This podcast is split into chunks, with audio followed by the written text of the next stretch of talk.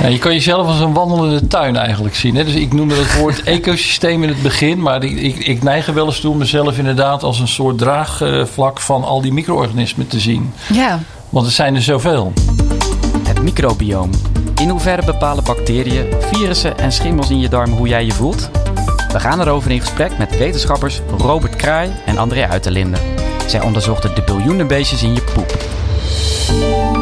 Leuk dat je luistert naar deze aflevering van In Opname. Mijn naam is Berit. En mijn naam is Jochem. En uh, we gaan het vandaag hebben over het microbioom. Dat is alles wat zich afspeelt in je buik, in je darmen. En de relatie met wat er gebeurt in je hoofd.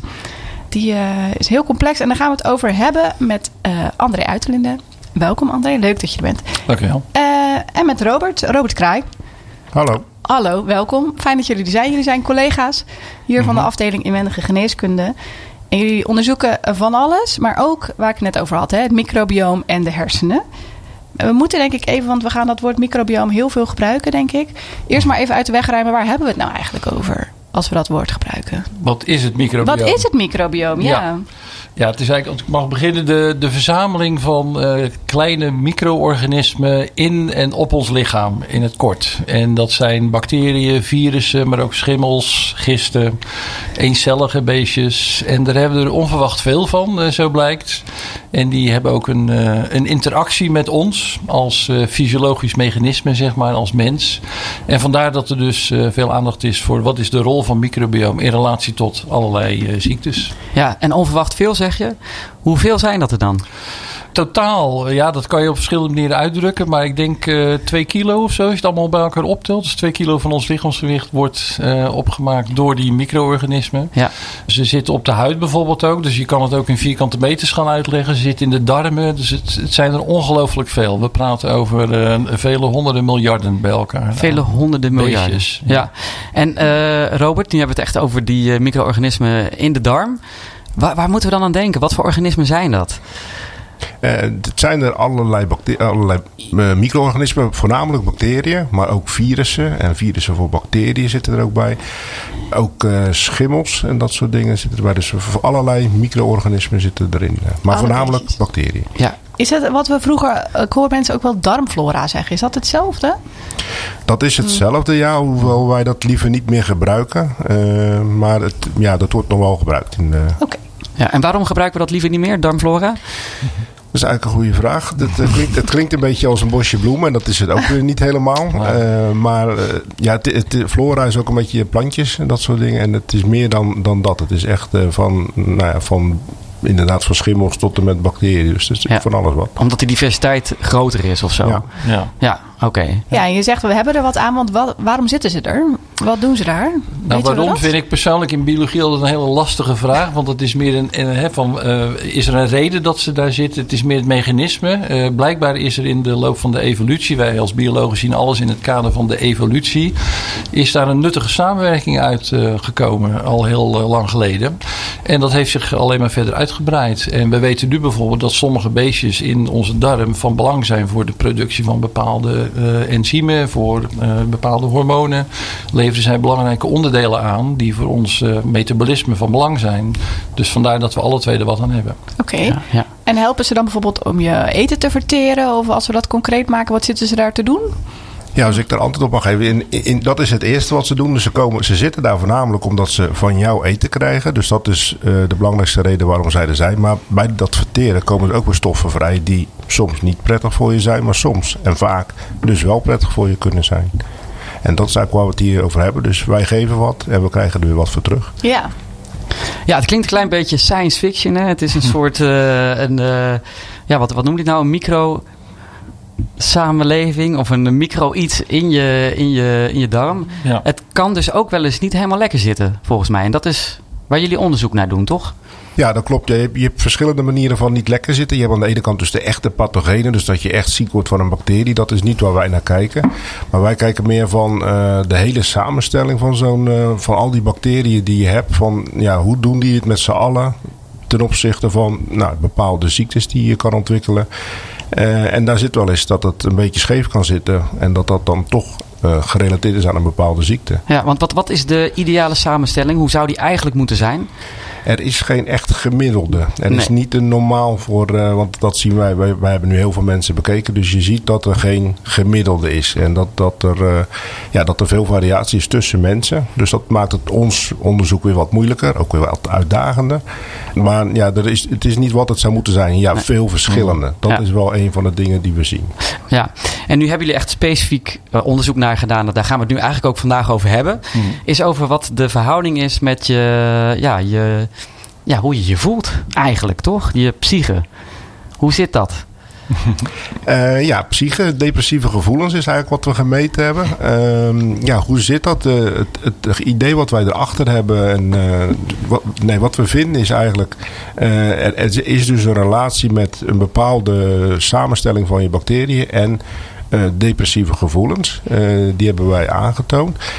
En ja, daarvan zou je dan graag willen weten van veroorzaken de bacteriën dan die depressieve gevoelens of is het andersom? Of wat het is waarschijnlijk beide. Eh, en daar, daar gebeurt iets wat heen en weer gaat. Ja, dus er is echt een relatie tussen je, ja, je, je hersenen eigenlijk. Dus hoe je je voelt, je gevoel en met je, met je darm. Ja. En de samenstelling dan van Nou, het microbioom. Daarom is dit onderzoek ook in een voornaam tijdschrift eh, verschenen, want het is echt wel nieuw. Wij waren ons dat als bioloog ook niet direct van bewust dat daar belangrijke eh, relaties lagen. En hoe dat precies zit, dat moet natuurlijk nog verder uitgezocht worden. Maar er zijn wel, wel wat ideeën over. Hè? Bijvoorbeeld er lopen zenuwbanen van de hersenen naar de darmen. Dus er is ook direct contact. Anderzijds, wat we net ook zagen, eh, sommige beestjes in de darmen zetten stoffen om. Die komen vrij, die komen in de bloedsomloop en die kunnen ook de hersenen bereiken. Dus daar kan ook een oorzaak liggen van die relatie tussen hersenactiviteiten en dus eh, hoe je je voelt eh, psychisch en mentaal en wat er zich in de darmen afspeelt. Ja. Maar dit is ook echt wel nieuw. Ja. En dat is ook een, een van de stappen die we met dit onderzoek gezet hebben. Dat we een meer gedetailleerd inzicht hebben gekregen van welke beestjes in de darmen zijn dat nou. Eh, en met wat voor aspecten van ons welbevinden, psychisch gezien, hangt dat nou samen. Ja. En welke beestjes zijn dat? Want ik zie gelijk beestjes, maar het Nou, zijn hele kleine van eh, alle? 14. We hebben ze even opgeschreven. Ja, 14, 14 beestjes. Nou, dan kan Robert beter uitleggen wat er precies gevonden is. Nou, ik ga ze niet allemaal noemen, maar je hebt een, een Eggatella. Dat is dan op genusniveau. Eh, Ah, dat, sorry, een? Genus, dat is een, een wat grotere. een- Je hebt een species, dat is één soort. Maar je hebt dan een, een meer familieachtig, dat heet dan een genus. Een soort beestje is dat. Ja, of een groep beestjes die op heel erg nauw aan elkaar verwant zijn. Wij hebben vooral gekeken van naar de hoeveelheid dat, je, dat, dat er zit eh, ten opzichte van elkaar. En dan zie je dat bijvoorbeeld eh Eggatella, die is wat verhoogd bij mensen met depressieve gevoelens.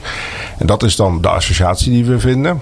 Eh, en bijvoorbeeld Co- Coprococcus is ook een van die bacteriën die duidelijk geassocieerd is met eh, depressieve gevoelens. Ja, dus er zijn, is echt gekeken naar het type beestje, om even zo te zeggen, die die depressieve gevoelens veroorzaken.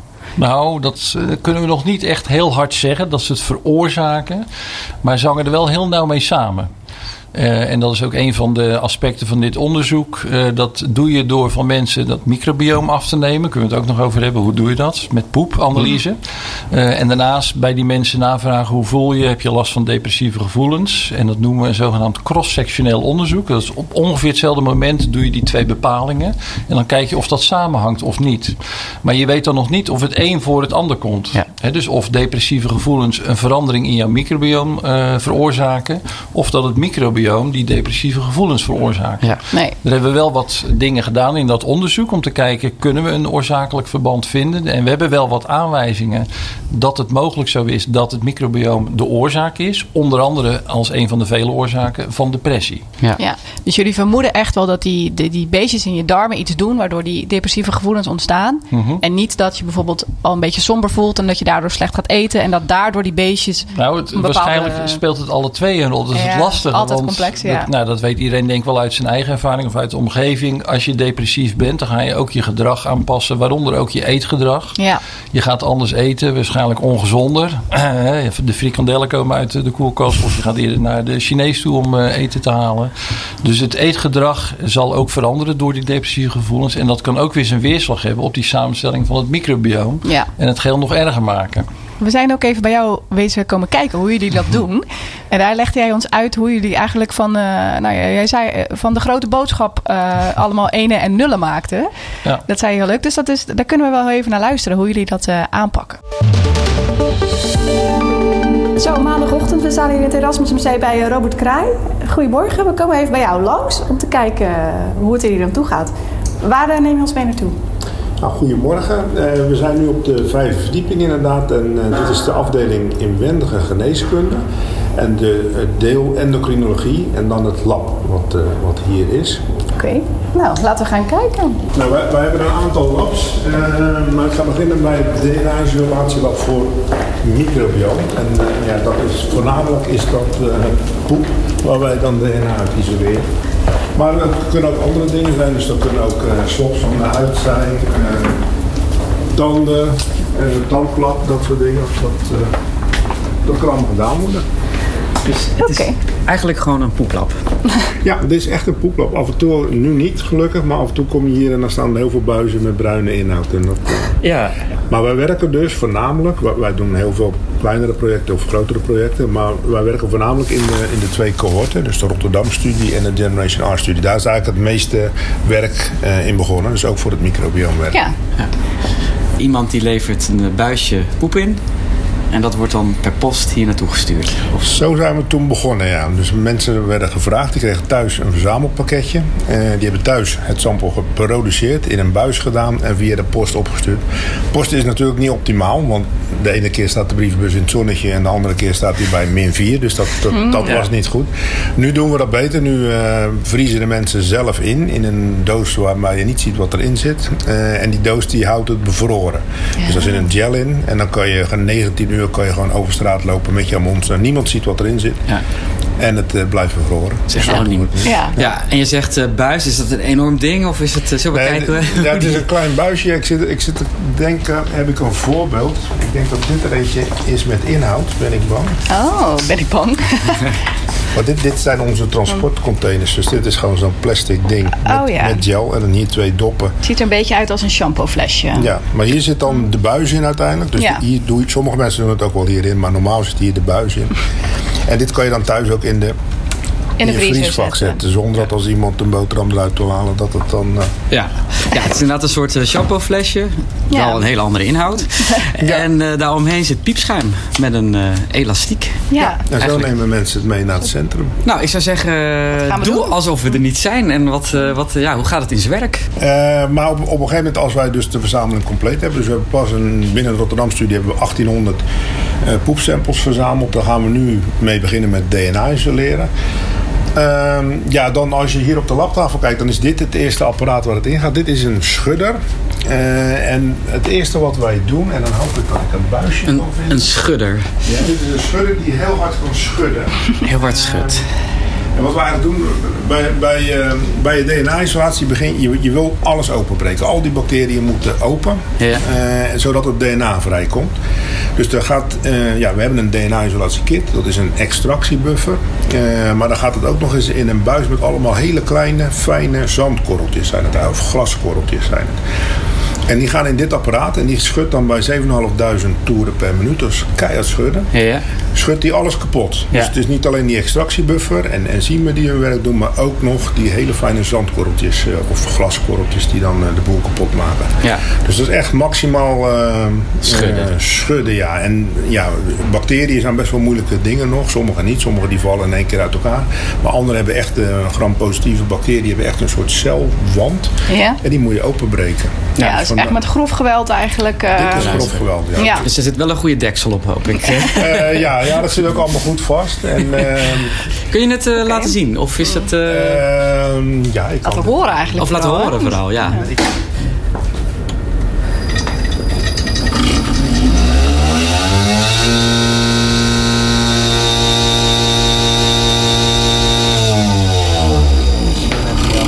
Oké, kapot geschud. Ja, DNA is vrijgekomen, zit allemaal nog in een soort vloeistof, maar dat is natuurlijk een hele vieze, vieze drap. Want Eh, DNA schud je dus niet kapot.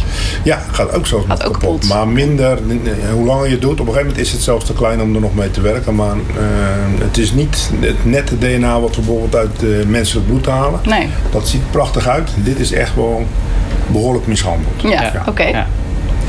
Maar dan moeten we DNA eruit vissen. Dat gebeurt in dit apparaat. Ehm, dus hier op, op zo'n apparaat is een soort robotje. En hierop eh, werkt de kit. Dus wij Ja. werken in, in eh 36 Wells formaat. Dus we hebben dus, uh, een plaat met 96 posities. Daar zitten 96 samples in.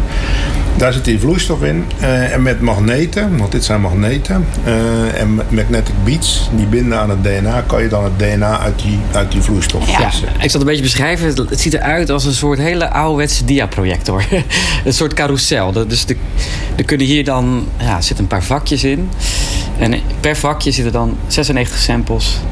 Ja van uh, mensen dan ja. in. En die kunnen dan uh, eruit gehaald of gezogen worden of zo. Daar ja, dus dat, dat werkt met magneten. Dus we, we hebben uh, magneetjes, daar zit een stof aan die bindt aan het DNA. Die, die bindt het DNA. En dan met, met, met deze magneet vis je die magneetjes, ja. die metalen deeltjes eruit, zeg maar. Mm -hmm. En daarmee haal je het DNA weg uit je ja. zooi. Ja. Zeg maar. En, en dat is wat je nodig hebt voor het onderzoek. Ja, dat DNA dat, dat gaan we gebruiken voor het onderzoek. Ja. En dat is eigenlijk de, ja, het nieuwe, zeg maar, wat dit allemaal mogelijk heeft gemaakt. Dus de, de um, op basis van DNA. Dus je isoleert gewoon alleen maar DNA. Je kweekt geen bacteriën meer. Je doet alleen DNA. En daar ga je bekijken van, van welke bacteriën was dat DNA afkomstig. Ja. ja. En hoe, wat komt er dan uit? Komt dat op dat computerscherm? Of hoe, um... Ja, dan, dan zit je al in de computer. Dus uh, ja. het, het, er is het sequence, dus, dus, dit is het DNA. Dan volgt de PCR. Dat is wel een vrij algemene techniek. Zeker na COVID weet iedereen wel wat ja. PCR is. Ja, daar zijn veel discussies over. Ja, dus ja. en daarmee pikken wij een piepklein stukje eruit. Uh, maar dat, dat moet je dan sequencen. Dus daar moet je de DNA-volgorde van bepalen. En dat, ja, dat sequence is eigenlijk de nieuwe techniek van de laatste jaren. Mm -hmm. En waardoor dit nu dus mogelijk is. En dat, ja, dat gaat, uh, nou ja, dat kunnen we al heel lang. Maar vroeger was het, uh, kon je er 10 of 20 uh, tegelijk doen. En nu gaan het met miljarden stukjes tegelijk, zeg maar. Dus ja. dat, is wat, wat nieuw is en waarom het zo, zo goed werkt en goedkoop is. Dus je dat, krijgt van elke, iedereen die zijn poep inlevert, krijg je een soort van, krijg je dan een lijstje. Ja. Met dit zit erin, dit zit erin, dit zit erin, dit zit erin. Gewoon een profiel noemen we dat. Ja. dat en dan ook, zit erin en in die hoeveelheid. Ook nog hoeveel ervan? Oh, oké. Okay. En dat zegt dan weer iets over hoe het kan zijn met iemands mentale ja, gezondheid. Maar dat, dat begint dus door dat in duizenden mensen te doen. We hadden 1400, ruim 1400 van die samples. En daarmee konden wij dus kijken van wat, wat associeert nou met die mentale, met, met depressieve gevoelens. En zo eindigen jullie dan dus met, uh, met die profielen, zoals je het noemt. Dus het is eigenlijk een soort, volgens, ik zie dat voor me als een soort overzicht van, nou, die persoon heeft die en die en die en die en die bacteriën in zijn darmen en die en die en die hoeveelheid. En dat link je dan aan die depressieve gevoelens. En toen zagen jullie dat verband. Was dat verrassend voor jullie? Ja, ik vond van wel. Kijk, wij doen allerlei onderzoeken uh, dat, dat, binnen, dat, uh, binnen die cohorten, zeg maar. Dus we vinden heel veel associaties. Maar deze bleek wel heel sterk te zijn. En het is niet alleen wat wij vinden, maar ook wat anderen vinden. Ook waar we, met groepen waarmee we repliceren. Het blijft uh, aanwezig en het blijkt sterk. En dat vond ik wel verrassend. Het is wel een van de sterkste associaties die we vinden met darm-microbioom. Ja. Dus daar was ik wel verrast over, ja. Ja, André, je knikt. Nou, de, nogmaals, de, daarom is dit ook in zo'n mooi journal verschenen. Omdat dit een, een grote studie was. Het was uh, in, in de erge studie alleen al iets van 1200 mensen, geloof ik. Ja. In totaal. En daarnaast hebben we ook de samenwerking gezocht met collega's uit Amsterdam. Die de Helios-studie uh, deden. Waar vergelijkbaar onderzoek in is gedaan. Waar ook in mensen gevraagd werd naar depressieve gevoelens. Uh, en daarin hebben we samen mee opgetrokken. En daardoor konden we ook zeg maar, bevindingen van elkaar repliceren. En dat is een heel belangrijk criterium tegenwoordig van wetenschappelijk onderzoek. Waar naar mijn persoonlijke mening veel te weinig aandacht aan wordt besteed. Maar dat is een ander verhaal. En wat houdt dat precies in voor de gewone mensen? Nou, het repliceren? Wat wij in, onze wetenschap gewend waren. Dus uh, je gaat in je ivoren toren uh, deuren dicht. Je gaat uh, moeilijke proeven doen. Er komt iets geweldigs uit. Nobelprijswinning. je vraagt patent aan. En dan ga je het dus opschrijven. Allemaal in je eentje. En dan stuur je het naar een tijdschrift. En die gaat dat publiceren. En dan ga je zitten wachten totdat iemand anders dat na gaat doen. Ja. Nou, dat is een foute manier van wetenschap in mijn ogen. Wat veel gebruikelijker is nu aan het worden. Is dat je bij het begin van denkt, wat ga ik onderzoeken? Dat je ook contact zoekt met je collega. Van hoe zullen we dat gaan opzetten? In welke datasets gaan we dit doen?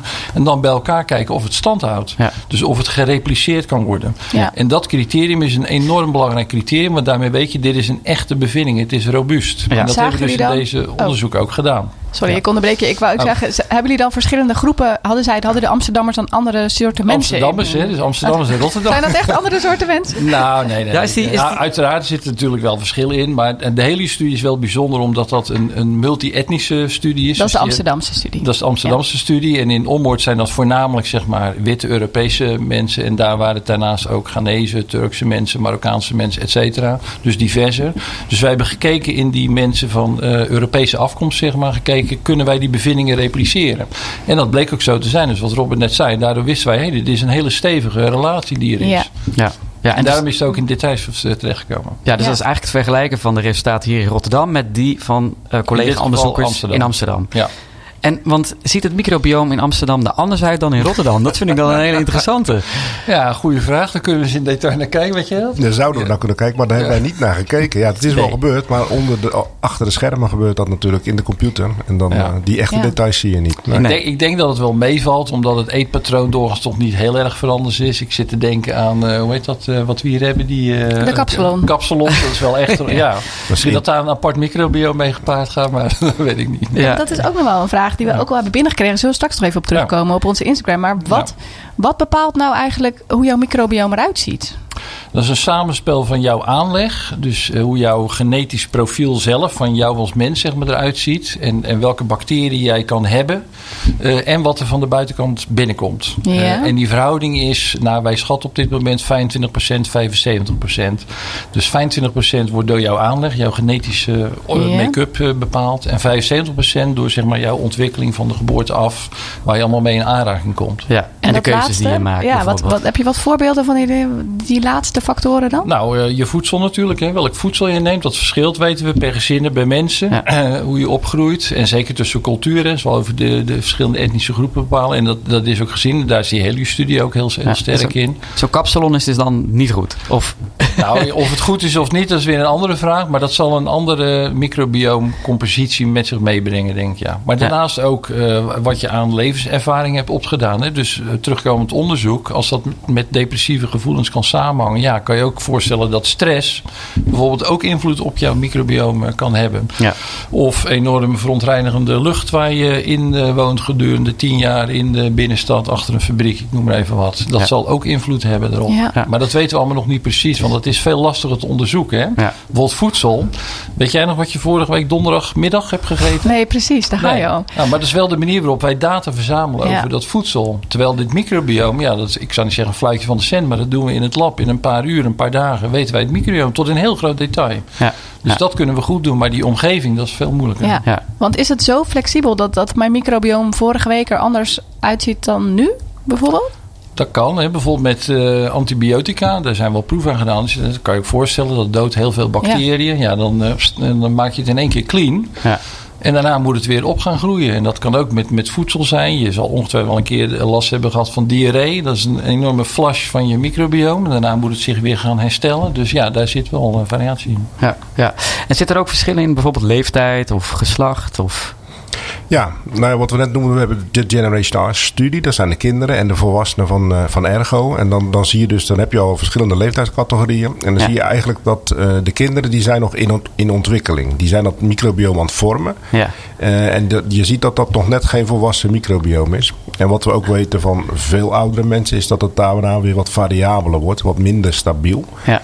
Eh, dat, dat is een beetje, dus je ziet wat Ja. veranderen over tijd. Maar Ja. het is wel een volwassen microbioom per persoon, dat is er wel. Ja, en Want wanneer, oh, sorry. Want wanneer is het volwassen? Wanneer heet het volwassen? Als het heel divers genoeg is? Of als het... Ja, ja dat, dat denk ik. eh, Het volwassen microbiome is inderdaad diverser dan het kindermicrobiome. Eh, en je ziet ook bepaalde grote groepen, zeg maar. Dus op filmniveau heet, noemen we dat. Zie je echt grote veranderingen plaatsvinden. Dus dat bepaalde groepen echt toe gaan nemen en andere daardoor af gaan nemen. Ja, en dat, heeft, dat is echt leeftijdgebonden. Dat zie je door de jarenontwikkeling. Ja. Ja. Want als je geboren wordt, word je geboren met een, eh, een eh, blanke pagina in je, in je buik? Of is- zit er al wat? Moet je dat... Min of meer, maar er is ook veel onderzoek naar. Van, zit er een microbiome in het vocht, hè? In, in de baarmoeder, in de, als de vrucht zeg maar, zich ontwikkelt? Hoe is die interactie tussen vrucht en moeder eh, daarin? Daar is ook de Generation R-studie druk mee. Dat is natuurlijk heel lastig onderzoek, kan je wel voorstellen. Want we gaan niet zomaar zitten prikken in Ja. een eh, Nee. zich ontwikkelende baby. Maar het vermoeden is wel dat daar ook al interacties plaatsvinden. Maar inderdaad op, op hele kleine schaal. Ja. En dan, dan is het dus wel iets wat zich in de loop van de jaren moet dat zich dus ontwikkelen door wat je binnenkrijgt, denk ik. Ja, Blijft nou, het ook plakken? Het begint al bij de bevalling. Daar, dat is de eerste zeg maar, echte aanraking met bacteriën van de moeder. Ja. En dan met het, eh, het knuffelen, het aanraken. En schimmels en gisten natuurlijk. En Ja. alles. Ja. Virussen, dat krijg je allemaal op dat moment. Ploep. Ja. In één Ja. keer binnen. En, want is er dan, eh, voordat we gaan zo ook naar de internetpoll, hè, dat is ook even leuk om te kijken, of de eh, social media poll eigenlijk moet ik zeggen. Een laatste vraag hierover. eh is er dus ook een verschil dan tussen man en vrouw qua microbioom? ja, die hebben we ook eh, Ja. aangetoond. Ja. Ja. En wat is Ja. het verschil? Wat, wat, wij, wat wij vonden, maar dat is een onderzoek wat nog een beetje loopt. eh, dat is één hele gezonde bacterie. eh, dat is Akkermansia. Die, eh, heb je die goed, dan heb je meestal een goed gewicht. Die zien we meer in vrouwen. Dat vonden we een hele interessante. En dat hebben we ook in andere cohorten gezien in het buitenland. Ja. Maar dan moeten jullie ons over een paar jaar nog een keer uitnodigen. Dan gaan we dat meer over. Maar dat gaan we zeker doen. Heel interessant. Ja, dat gaan we zeker Ja. doen.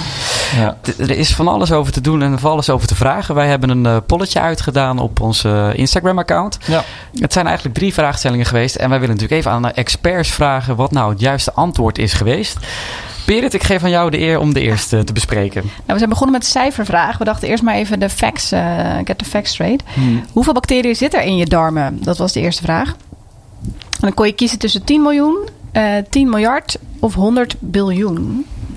Nou, de meeste men, nou, ongeveer de helft van de mensen dacht dat het 10 miljard was. Bijna niemand dacht dat het 10 miljoen was. En eh, nou ja, er was er nog een soort van middengroep die dacht het zijn er 100 biljoen. Dat is het. Ja, hè? Ja. Ja, dat is ongelooflijk. Want hoeveel is 100 biljoen eigenlijk? Ja, dat vind ik altijd lastig. Want zodra het meer dan een miljoen wordt, wordt het bijna onvoorstelbaar eh, Ja. veel. Maar ja, het zijn echt gruwelijk veel eh, beestjes die op ons, ons lichaam zitten. Ik, eh, even terugkomen, want, eh, waarom dit zo'n revolutie eigenlijk in, in het veld heeft betekend. Want tot, tot voor tien jaar geleden, toen we dat DNA-sequencing als techniek niet hadden, moest je dat kweken. Dus, hè, dus de hele afdeling hier in microbiologie, die, die doet dat op schaaltjes, petrischaaltjes kweken. Maar alleen maar een hele kleine set van bacteriën laten zich kweken. Een hele Ja. bacteriën kan niet kweken. En pas door dat sequencen zijn erachter gekomen wat er allemaal wel niet eh, onder zat. Dus dat waren echt orders van grootte meer micro-organismen dan wat ze zagen in die kweek.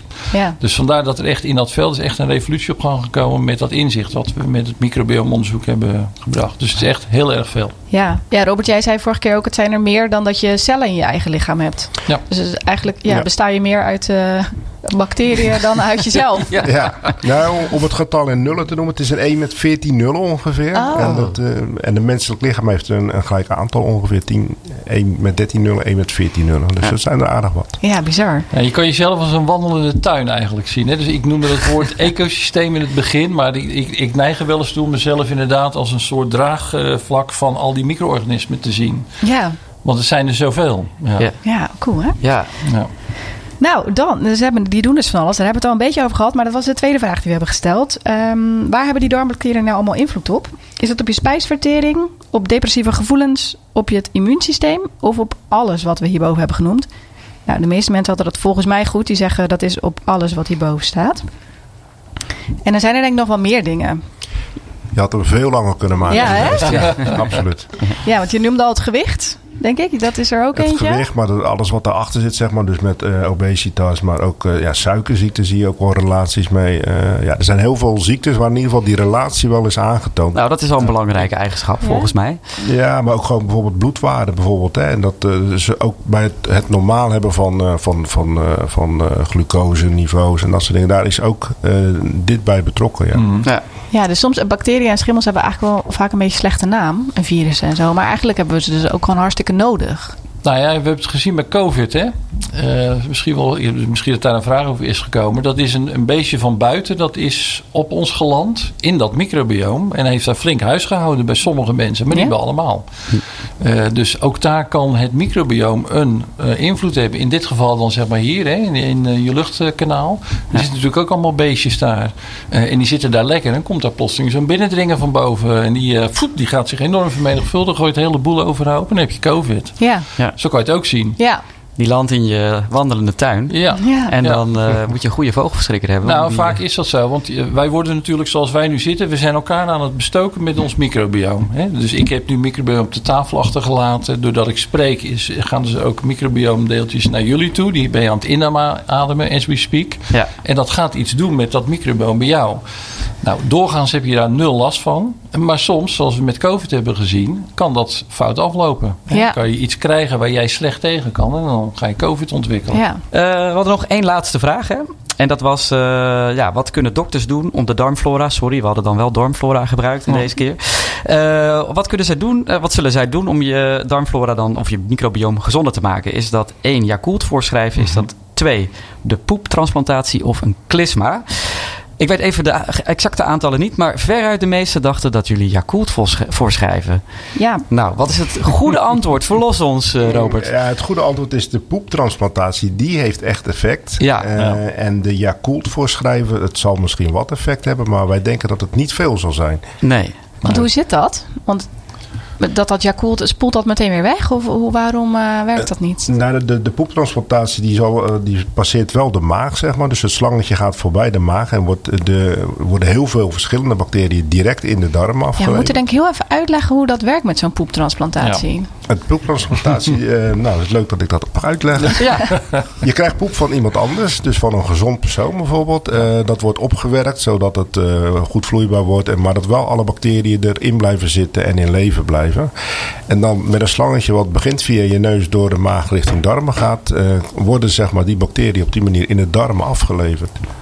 En dat is een Ja. beetje een ingewikkeld ding. eh, wij hopen dat het in de toekomst wel makkelijker gaat. Ja. Maar, Ja, want dat wordt nu gedaan als je een hele heftige infectie in je darmen hebt, toch? Ja. Klopt dat? ja. En dat zorgt dan ervoor dat je het goede microbioom overneemt van degene die de transplantatie. eh, Ja, het idee is dus dat je de, de, de- het microbioom van de patiënt, zeg maar, dat je die iets gaat veranderen op die manier. En dan heb je met een transplantatie heb je meer effect dan met zo'n yoghurtje waar die ook nog de maag moet passeren. Zeg ja, maar. ja. Inmiddels ik wat toevoegen, zijn ze ook wel wat verder gekomen ermee om pillen te maken waarin een aantal bacteriën zitten, zeg maar, die gunstig zijn voor. Maar dat zijn hele specifieke aandoeningen, bijvoorbeeld eh, IBD, Inflammatory Bowel Disease. Ik weet de Nederlandse naam even niet. Maar dit is een hele ernstige auto-immuunafwijking, waardoor mensen een enorm verstoord microbioom hebben. En die worden met die pillen nu behandeld. En dat is in Amerika door de FDA eh, goedgekeurd. Dus dat is wat vriendelijker, zeg maar, dan zo'n poeptransplantatie Ja. krijgen. Ja, ja, dus Dus dat, eh, dat zit er ook aan te komen, de- Ja. die pil. Ja, maar goed, vooral makkelijker, hè? Dus het is makkelijker om thuis te doen en het is makkelijker ook om op een lange termijn te doen. En dat, Ja. eh, en ook iets minder eh, smerig idee, als ik Ja. dat mag zeggen. Gedoe, Ja, en minder gedoe. Want nog even over die Yakult. Ik- Dat, dat, mensen willen denk ik toch wel weten... Jij of- drinkt Yakult, begrijp Nee, ik? nee, Of, nee. oh, ja. ik, heb het wel, ik heb het wel eens gedaan nadat ik antibiotica Ja, ik had. Ja. genomen. Oh, ja. Heeft dat gewerkt? Oké. Nou, dat weet, ja, dat, dat, ja, dat weet je nooit natuurlijk. Was Nee, een experiment. nee. Maar ik denk, ja, dat associeer je toch wel Het wordt zo wel voor je darmen. Ze wordt verkocht inderdaad. Ja, maar ze worden veel dingen verkocht Ja, want, natuurlijk. want jullie zeggen dus dat dat schiet, zet niet echt zoden aan de dijk. Of, Nou, ehm, oké, ik, ik zal er niet al te veel dingen over zeggen, want ik heb me onvoldoende in verdiept. Dan moeten we echt eens met eh, de mensen die over de, de voeding en Yakult eh, meer weten. Bijvoorbeeld in Wageningen zitten daar eh, deskundigen. Maar het is niet zo dat dat een soort wondermiddel is waarmee je microbioom op kan peppen. Dat Nee. niet. Het, je gaat er niet aan dood, hè, laat ik het zo stellen. Maar dat geldt voor, voor meer dingen. Maar om nou te zeggen dat dit een heel belangrijk middel is om de gezondheid te bevorderen via jouw microbioom, dat denk ik niet. Nee. Oké. Nee. Nee. Nou, Het zou wel makkelijk zijn als je het Ja. zo uit de schappen kan halen in de supermarkt. Maar dat ja, eh, ik, denk ook, wat, wat ook uit dit onderzoek is gebleken... het is niet één bacterie die je moet Nee. bestrijden. Het is echt een, een, een veelheid daarvan... die allemaal in samenhang met elkaar iets doen. Dus. En per persoon verschillend zijn. en dan ook nog eens per persoon verschillend zijn. Dus, Ja. ja. Ja. Nou, bedankt voor deze verlossende antwoorden. Nou, wat nog even belangrijk is, kun je je microbioom, we hebben het al een klein beetje over gehad, maar tips voor mensen thuis, kun je je microbioom zelf beïnvloeden? Ja, en zou je daar dan dus minder depressieve gevoelens van kunnen krijgen? Ja, Dat weten wij nog niet helemaal precies. Maar je kan wel, gezond, door gezond te leven, kan je wel zorgen dat jouw microbioom zo gezond mogelijk is en zo divers mogelijk. Maar om nou te zeggen van je moet bloemkool eten of juist geen bloemkool eten, dat durf ik nu nog niet te zeggen. nee. Ik denk, ik denk belangrijk inderdaad, uh, gezond, uh, gezonde voeding. Maar ja, dat is een hele open deur natuurlijk. Ja. Want dat geldt voor eigenlijk alles. Dat je moet bewegen, niet roken en goed eten. Gevarieerd eten, hè, vooral Gevarieerd eten is belangrijk. Ik doe dat zelf ook. Uh, in de veronderstelling dat ik daardoor mijn microbioom heel erg divers houd. En dus ook daardoor gewapend kan zijn tegen aandoeningen. Maar goed, dat is mijn overtuiging. Ik denk gewoon gezond gevarieerd eten dat dat het belangrijkste is. Ja. Ja. Het zijn niet dingen, mensen zeggen wel eens van chocola eten of champagne drinken word je ontzettend blij. Of uh, oesters Zeker, of aardbeien. Nou, je noemt allemaal dingen die ik heel erg lekker vind. Ja. maar werkt dat voor je microbioom? Ja, ongetwijfeld. Het heeft invloed erop. Maar of dat wondermiddelen zijn, nee. Want ik denk ook niet dat, dat die er zijn. Maar ja, net zoals met alles, met mate. Dus uh, niet iedere dag een fles champagne tot je nemen. Maar nee. uh, af en toe een glaas champagne is helemaal niet slecht. En hetzelfde als chocola. Ja. Als je maar niet te veel doet. Maar ja. ja. Oké, nou dan zouden we in de toekomst zouden jullie dus wel toe willen naar een pil waarin uh, een bepaalde samenstelling goede bacteriën zitten die je kan slikken, zodat je nou ja, je beter voelt. Zou, is nou ja, dat realistisch? Dat, voor, ja, ik, dat voorbeeld wat ik net noemde voor die aandoening, hè, die ernstige ontstekingsaandoening, daar is zo'n pil nu, uh, nu voor. En ik denk dat dat wel uh, gaat uitbreiden. Want uh, één belangrijk aspect ook nog, waarom is er zoveel belangstelling voor het microbioonderzoek, is ook omdat de interventie, dus het middel, is eigenlijk heel makkelijk en lichaams-eigen. in tegenstelling tot medicatie, hè, wat chemische substanties zijn, die eerst met allerlei uitgebreide proeven in beesten en dan ook ja. in mensen enorme trials, kost miljarden, duurt jaren, voordat zo'n pil op de markt uh, komt. En dat is met microbiome is dat veel sneller uh, te doen. Ja. En daar is ook die hele goedkeuringsprocedure wat eenvoudiger voor. Dus vandaar ook dat die middelen nu al vrij snel op de markt komen en goedgekeurd worden. En ik zie daar echt wel een, een groei in, in zitten. Ja. Ja, tenzij je iets zou willen wegpesten, zoals jij, Robert, dat wel eens mooi zegt. dan zou je toch iets van antibiotica moeten doen, of niet? Dat, dat is ook een optie, maar je kan ook door meer van een ander te geven, kan je die dus, degene die je weg wil pesten, kan je ook kwijtraken. Dus. Er is dus echt een relatie tussen je hoofd en je darmen. Ja. Het is alleen een klein beetje de vraag, ja, het kip of het ei? Ja. Wat is eerst? Zeker. En er moet meer onderzoek naar gedaan worden. Ja. ja. En dat doen we ook. Heel druk nu. Nou, vooral uh, Robert heel druk mee bezig om uh, in internationale setting, zeg maar, met veel meer van dit soort verzamelingen. Dus nogmaals, dat onderzoek zoals Ergo, dat is echt een fantastische bron voor dit soort onderzoek. En er zijn er maar weinig van in de wereld. Dat zeggen we ook altijd tegen de deelnemers. Jullie zijn wereldberoemd. En ja. heel veel dank daarvoor. Maar er zijn er een paar cohorten in de wereld die ook dit, deze data hebben. Dus daar zijn we nu mee bezig om dat op nog veel grotere schaal samen met elkaar te bekijken. Om een nog gedetailleerder inzicht te krijgen. Dat is één aanpak. En de andere is om inderdaad in de tijd te gaan kijken. Want kunnen we bij mensen die niks hebben, gezond zijn, microbiome bepalen en dan kijken over de komende tien jaar. Ontwikkelen bepaalde mensen depressieve gevoelens in dit geval, of diabetes of een andere aandoening. Ja. Ja. En hangt dat samen met het hebben van dat microbiome. Ja. En dan kan je over oorzaak en gevolg gaan praten. Ja. En kun je dat misschien al voor zijn? Zeker. Nou ja, dat is uiteindelijk het hele idee van als je weet, ik heb een bepaalde aanleg om uh, depressiviteit te ontwikkelen. Maar als ik dat vroeg weet en daar rekening mee kan houden, kan ik misschien mijn leven zo inrichten dat ik dat kan vermijden. Dan praat je over preventie, wat natuurlijk uh, de golden grail is van uh, eigenlijk alle geneeskundig onderzoek, zou ik denken. Ja, nou dan Robert en André, mag ik jullie heel erg bedanken, bedanken voor deze, ja. ja. deze mooie podcast en deze toelichting op ons microbioom. Ik ben in ieder geval een uh, stuk wijzer uh, geworden. Ik weet niet uh, hoe dat bij jou zit, ja, Berit. Nee, eens gelijk. Tot de volgende keer, zou ik zeggen. Tot je dienst. Graag gedaan. Thanks.